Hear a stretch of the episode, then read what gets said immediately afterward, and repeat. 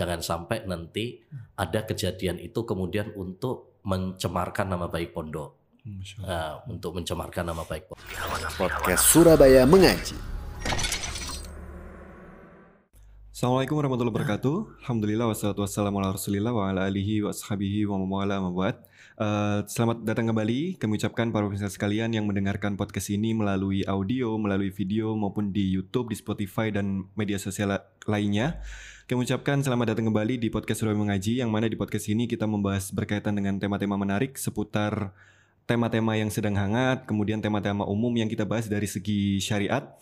Dan di tema ini kita membahas berkaitan dengan tema yang baru saja hangat diberitakan, yaitu kekerasan di sebuah pondok pesantren.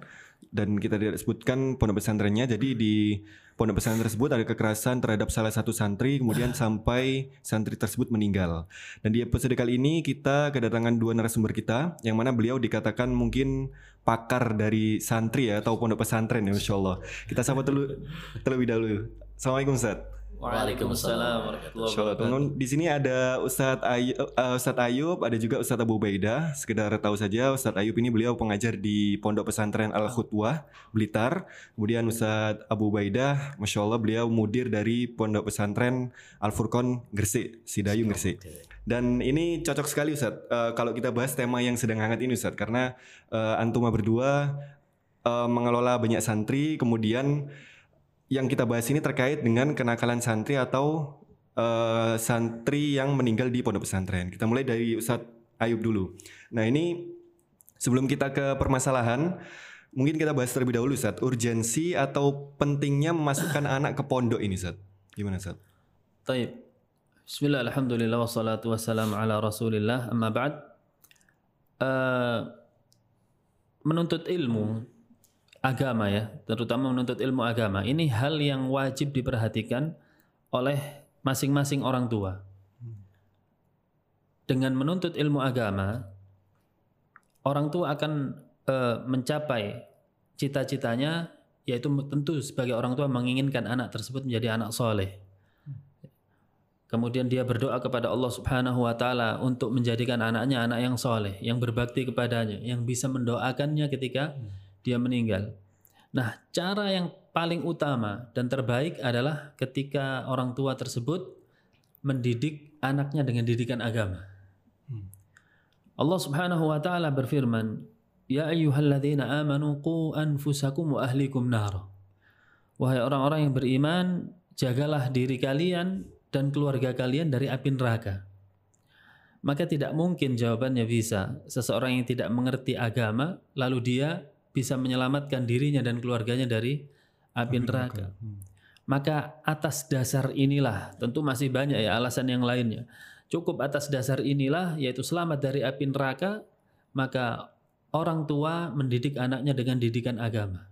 Hmm. Nah, kemudian di mana didikan agama? Kalau kita bicara pondok pesantren tentu ini apa uh, kesannya spesifik ya. Hmm. Tapi kita bicara dari awal dulu bahwasannya di mana pun kita bisa menuntut ilmu hmm. agama. Hmm. Tetapi kenapa tadi e, pertanyaannya Mas Reza urgensinya memasukkan ke pondok? Pondok pesantren ya. Ya, tentu jawabannya adalah ya, kita tentu sebagai pengasuh pondok ya, juga termasuk Ustadz Abu Ubaidah. E, jadi di dalam pondok sendiri di samping anak itu diajarkan kepadanya ilmu agama kemudian dengan lingkungan pondok yang tertutup dan kontrol yang ekstra hmm. uh, dari situlah kelebihan pendidikan di pondok hmm, berbeda dengan pendidik, pendidikan di luar pondok artinya ketika dia menerima pelajaran kemudian pulang hmm. bisa saja di luar pondok dia terkontaminasi dengan kehidupan luarnya sehingga nasihat yang sudah kita sampaikan di dalam lingkup pondok itu tercampur hmm, hmm. dengan lingkungan luar atau bahkan lebih banyak kontaminasinya di luar. Hmm. Oleh karena itulah eh, lingkungan pondok tersebut diadakan eh, dengan tertutup tujuannya seperti itu. Di samping dia belajar ilmu agama, kemudian dikontrol adabnya, hmm. kemudian kalau ada kesalahan itu bisa langsung dinasehati dan juga di antaranya melatih kemandirian anak tersebut untuk bisa beradaptasi dengan eh, macam-macam karakter dari manusia. Jadi eh, itulah kelebihan eh, atau apa namanya eh, urgensinya orang tua menyekolahkan anaknya di pondok. Wallahu alam. Baik, barakallahu fikum Ustaz. Beralih ke Ustadz Abu Baidah. Jadi tadi sudah disampaikan urgensi dan manfaat dari Ustadz Ayub memasukkan anak ke pondok Ustadz. Nah ini berkaitan dengan kapan Ustadz, when-nya Ustadz. Ini kapan waktu yang tepat untuk orang tua ini memasukkan anaknya ke pondok? Apakah memang mulai SD atau mulai masuk SMP atau gimana Ustadz? Ya. Alhamdulillah salatu wassalamu ala Rasulillah wala haula wala quwata illa billah ma ba'du. Ya. Sekedar nambahi tadi apa yang disampaikan oleh Ustaz Abu Ayyub. Uh, hafidhahullah taala wa ra'ah. Jadi memang uh, pesantren atau pondok pesantren itu sekarang terutama di zaman sekarang ini di mana pergaulan uh, anak-anak begitu bebas di luar dan sebagainya menjadi suatu kebutuhan yang sangat mendesak wadah pendidikan yang sangat efektif. Kenapa? Karena eh, di pondok pesantren itu bukan hanya mendapatkan pelajaran ilmu agama saja, ya. Di sana pertama tentu pelajaran agama akan menjadi prioritas. Kemudian di sana ada yang namanya tarbiyah, pendidikan, bimbingan. Dan ini yang paling penting yang tidak didapatkan mungkin di sekolah-sekolah yang lain. Ya, orang ketika mencetak anak, mencetak generasi yang tangguh, bukan hanya taklim, bukan hanya mentransfer pengetahuan, tapi ada yang jauh lebih penting daripada itu, itu yang namanya terbiah pendidikan. Nah, ini yang sulit didapatkan mungkin di sekolah-sekolah yang lain. Ya, uh, biasanya kan kalau di sekolah-sekolah lain, ya pokoknya di kelas, ya, Kasih pelajaran. uh, dan kasih pelajaran, setelah itu pulang, ya tanggung jawab masing-masing gitu. Tapi kalau di pondok kan tidak, bukan hanya mendapatkan itu saja. Di sana ada pendidikan, bagaimana ibadah yang benar, akhlak yang benar, ya itu. Kemudian juga bukan hanya belajar ilmu pengetahuan saja. Di sana ada pendidikan tentang kemandirian. Kita lebih mandiri kalau jadi anak pesantren itu. Kemudian belajar kesabaran, belajar persahabatan, ya bagaimana menjaga persahabatan, perbedaan.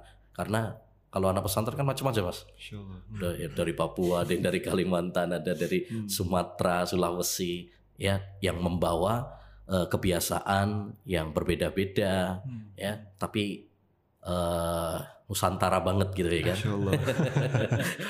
Eh, Tetap walaupun mereka memiliki ini, tapi sama-sama satu tujuan, Hmm. sehingga di situlah terwujudkan persahabatan. Tentang waktu kapan bagus untuk memasukkan orang ke pesantren, ya sebenarnya kalau secara dalil kan nggak ada ya. Nggak ada. nggak ada dalilnya.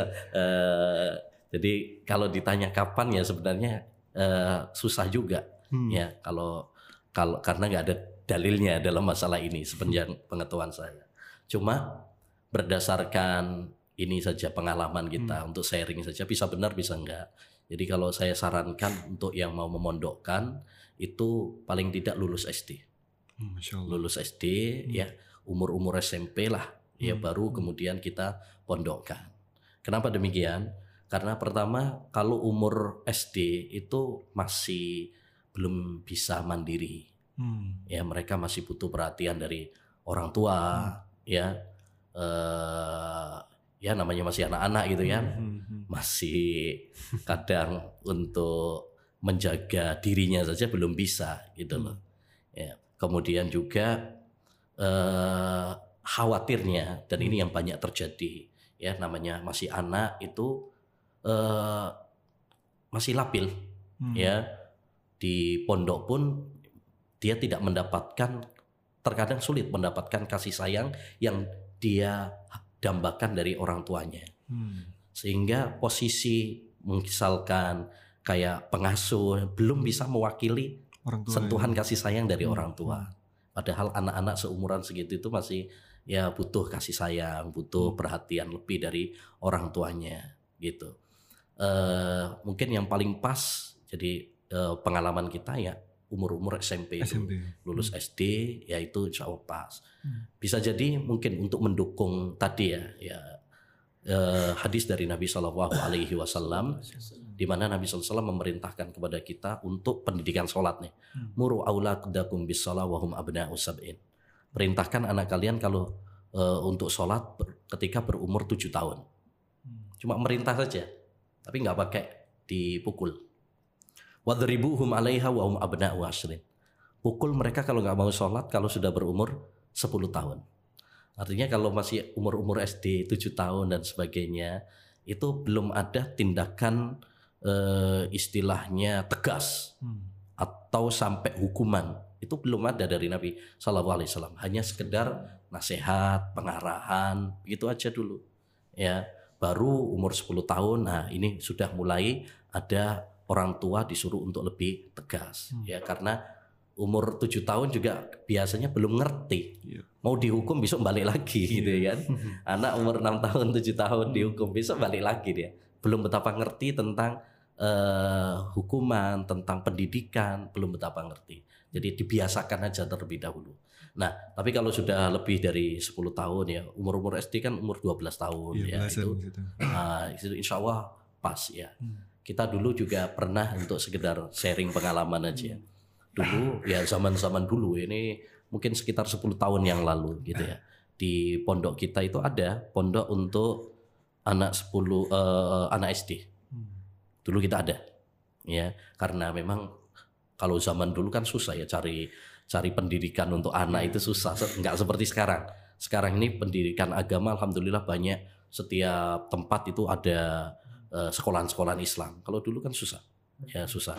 Jadi dulu kita ada karena banyak orang-orang yang titip anaknya, Ustaz kita mau nyekolahkan di mana di tempat kita juga nggak ada, gitu ya. Akhirnya kita tampung dulu, ya pendidikan eh, pondok untuk kelas SD itu ada. Tapi berdasarkan tadi pengalaman kita, akhirnya kewalahan kita, anak-anak segitu, ya kan. Ada yang masih ngompol, ada kalau yang dikunjungi eh, berontak, nangis, minta pulang, ya banyak lah permasalahan-permasalahan. Terus juga permasalahan di musrifnya, Eh, musrifnya eh, ya namanya ya musrif kan anak-anak muda rata-rata, ya mungkin dia nggak bisa sesabar seperti orang tua. atau yang sudah punya anak kan nggak bisa. Ya, sehingga kadang-kadang malah berantem sama musrifnya Eh, dan sebagainya. Dari situ kemudian eh, sekitar ya 10 tahunan yang lalu akhirnya kita eh, di apa? ditutup. Dikat gitu. ya tiket untuk pondok usia SD ya. Jadi kita tetap ada SD tapi pulang pergi untuk orang-orang yang sekitar saja anak-anaknya ustadz, anaknya pegawai atau masyarakat sekitar. Tapi untuk yang asrama yang tinggal di eh, di pondok untuk kelas SD sekarang sudah nggak ada. SMP Jadi, minimal di ah, minimal SMP dan alhamdulillah aman Aman. lebih aman. Tapi barakallahu Ustaz. Baik, kembali ke Ustaz Ayub. Kita merujuk ke inti pembahasan kita Ustaz terkait tema ini. Bahwasanya ada kekerasan di suatu pondok sampai menyebabkan meninggal. Nah, ini apakah yang salah oknum yang melakukan kekerasan tersebut sehingga salah satu santri mungkin dibully atau dikasih kekerasan hingga meninggal ataukah pondoknya ataukah orang tuanya atau gimana Ustaz pandangannya Ustaz?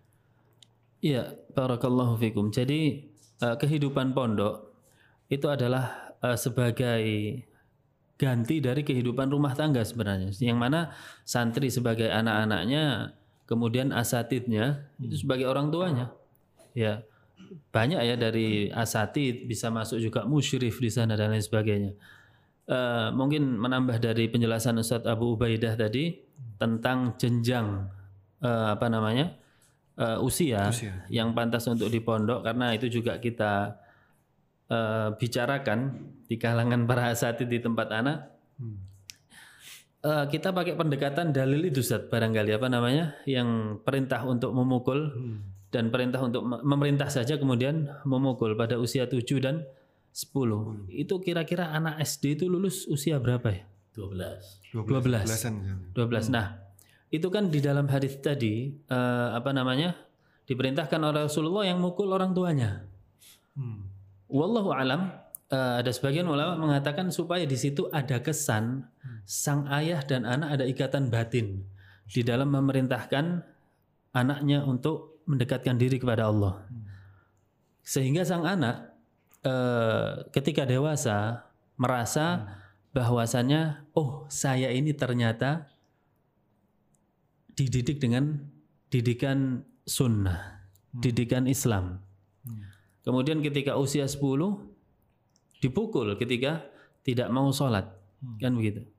Tapi tentu kita sepakat nggak mungkin setelah usia 10 tersisa dua tahun lagi ya SD-nya, ya sudahlah langsung mondok nggak mungkin. Maksudnya sesuai maslahat, maslahat memang nggak ada dalil ya, tapi sesuai maslahat setiap usia setelah usia 10 nggak mungkin langsung kita cabut dari SD kita masukkan pondok, kita selesaikan SD. SD-nya. Hmm. Nah, itulah saya sepakat dengan beliau Ustaz Abu Ubaidah bahwasanya minimal yang paling eh, apa namanya proporsional itu jenjang usia setelah SD di pondok. Eh, ada sedikit eh, sharing ya, teman sendiri nih Hmm. dari kecil saat anaknya ditaruh di pondok, dari kecil, ya, Usia berapa itu, Ustaz? Wah, TK, TK sudah ditaruh Allah, TK.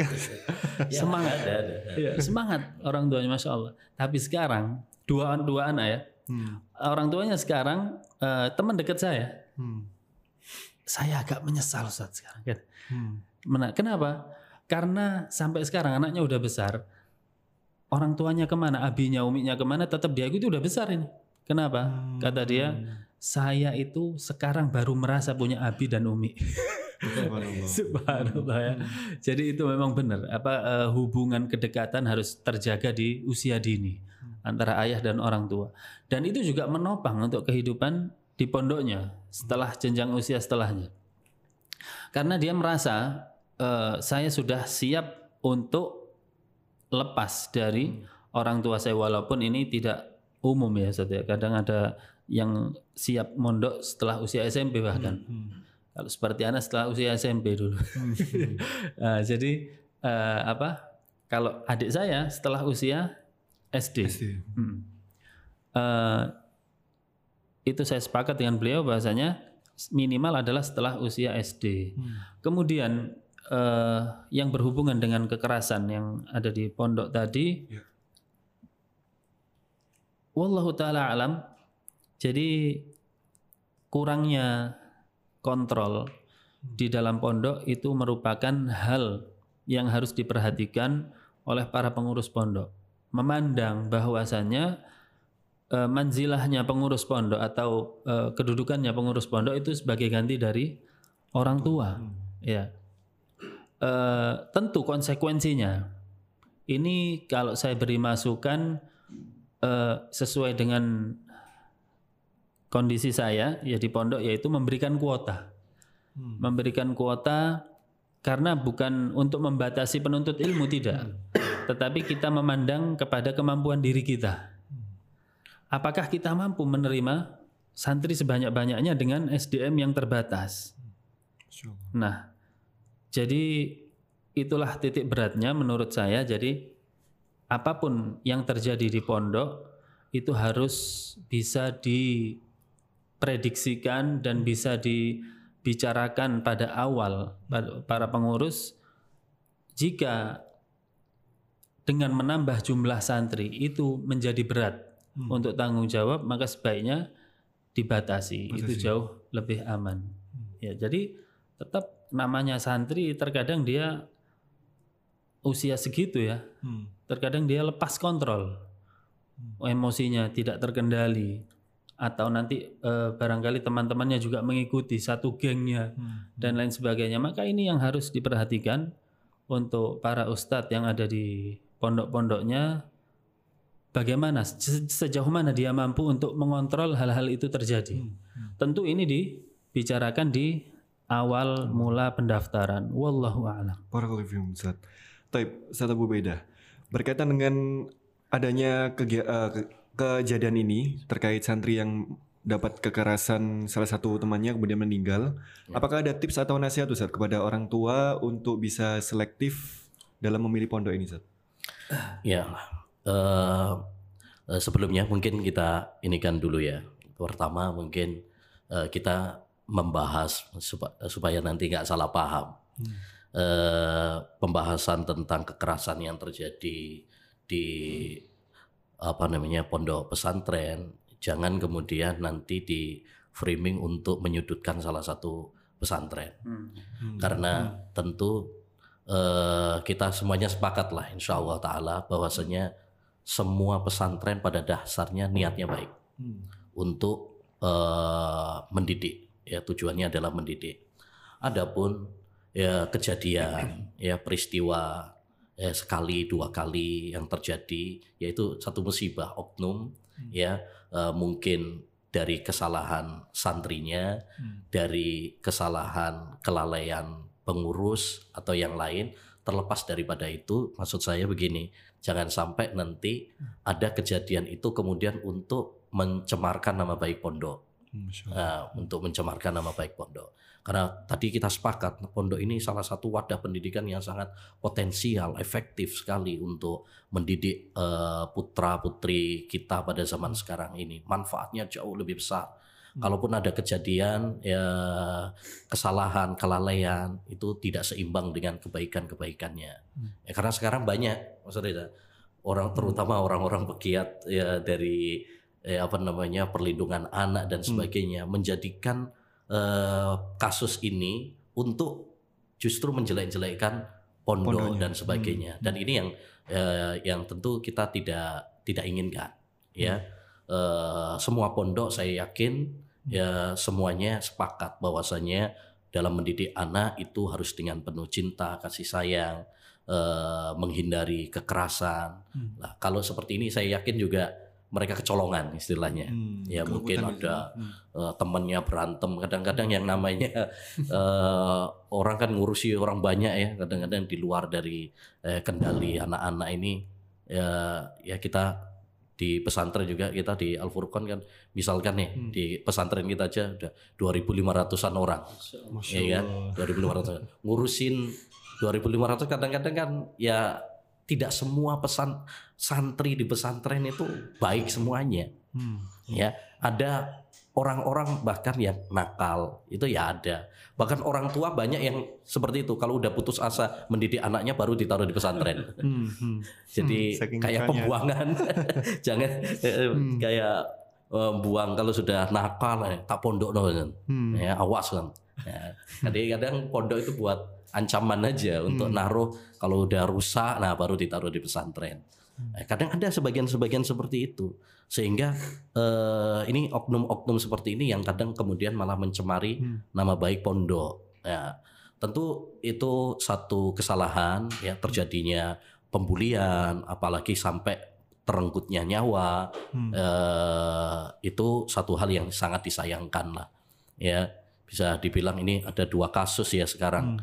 Eh, yang ya tentu membuat kita sedih bagi orang-orang yang eh, dalam dunia pesantren ini karena paling tidak mencederai nama nama pos Pesantren pesantren, juga Hmm. gitu ya nanti dikiranya semua pesantren Hmm. sama Hmm. ya padahal tidak demikian tidak demikian Baik, eh, pertama tentu ini tadi yang perlu kita garis bawahi bahwa ini adalah eh, oknum Hmm. ya. Jangan kemudian di apa namanya kita kebiahuyah istilahnya Hmm. bahwa semua pesantren seperti itu bahkan saya yakin semua pesantren pada dasarnya adalah mendidik eh, santri-santrinya dengan eh, dengan baik. Hukum asalnya pesantren seperti itu.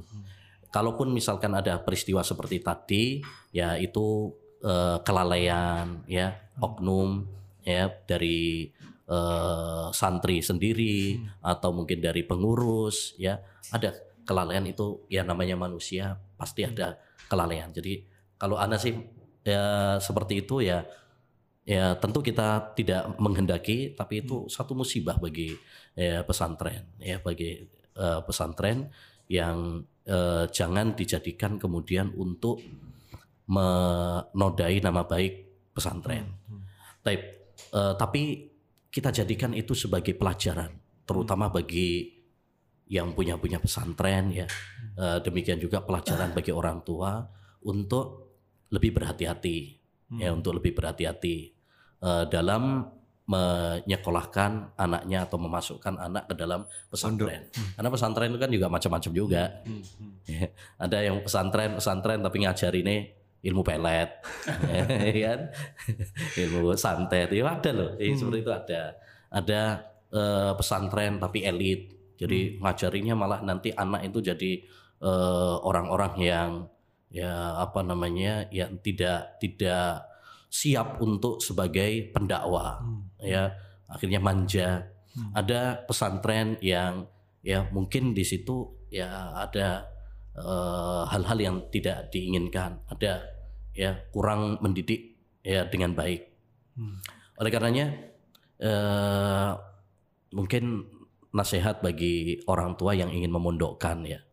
Karena pada dasarnya pendidikan itu kan orang tua yang mendidik. Hukum asalnya tanggung jawab orang tua. Tapi kan kebanyakan orang tua mungkin nggak mampu untuk mendidik nggak punya waktu ya. Oleh karenanya berarti dia harus betul-betul hati-hati selektif dalam memondokkan anaknya. Dalam menaruh. Caranya bagaimana? Ya cari pondok-pondok yang betul-betul memiliki visi misi ya eh, bisa mengkader mencetak eh, santri-santrinya ini menjadi anak-anak yang soleh. Seperti yang kita harapkan. Kan orang tua pinginnya anak-anaknya soleh soleh ya kan? Hmm. nah cari eh, pondok-pondok yang memang bisa mewakili kita sebagai orang tua dalam mencetak anak-anak yang soleh soleha dari mana kita tahu? Tentu dari misalkan visi misi pesantren tersebut kurikulum yang diajarkan. Ya itu bisa kita ketahui. Kemudian yang tidak kalah pentingnya juga dari kita bisa mengetahui dari hasil alumni-alumni Alumninya. misalkan. Dari alumni pondok ini hasilnya bagaimana? Kan itu bisa diketahui. Ya Eh, oh alumni ini masya Allah kebanyakannya eh, dari sana hasilnya bagus.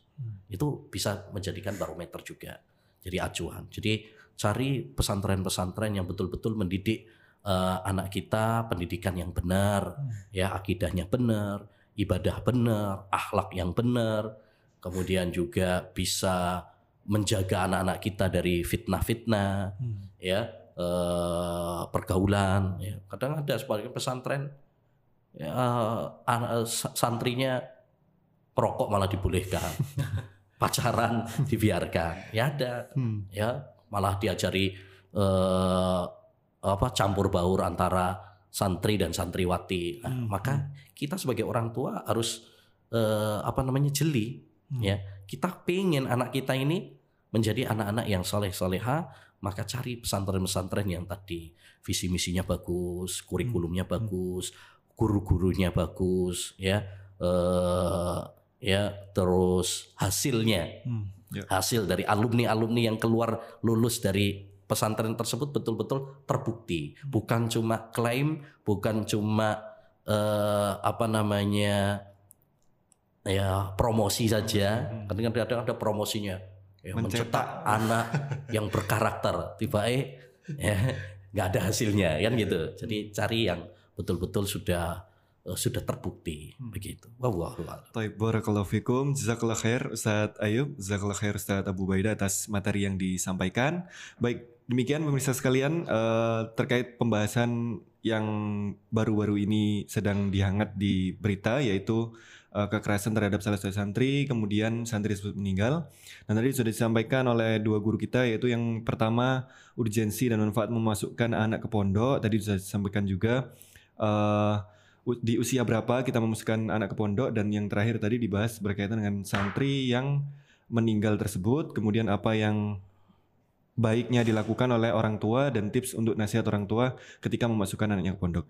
Baik demikian kita bertemu lagi di episode berikutnya insyaallah kita tutup dengan doa kafaratul majelis. Subhanakallahumma wa bihamdika asyhadu an la ilaha illa anta astaghfiruka wa atubu ilaik. Assalamualaikum warahmatullahi wabarakatuh. Waalaikumsalam. Bentar ya. Izin.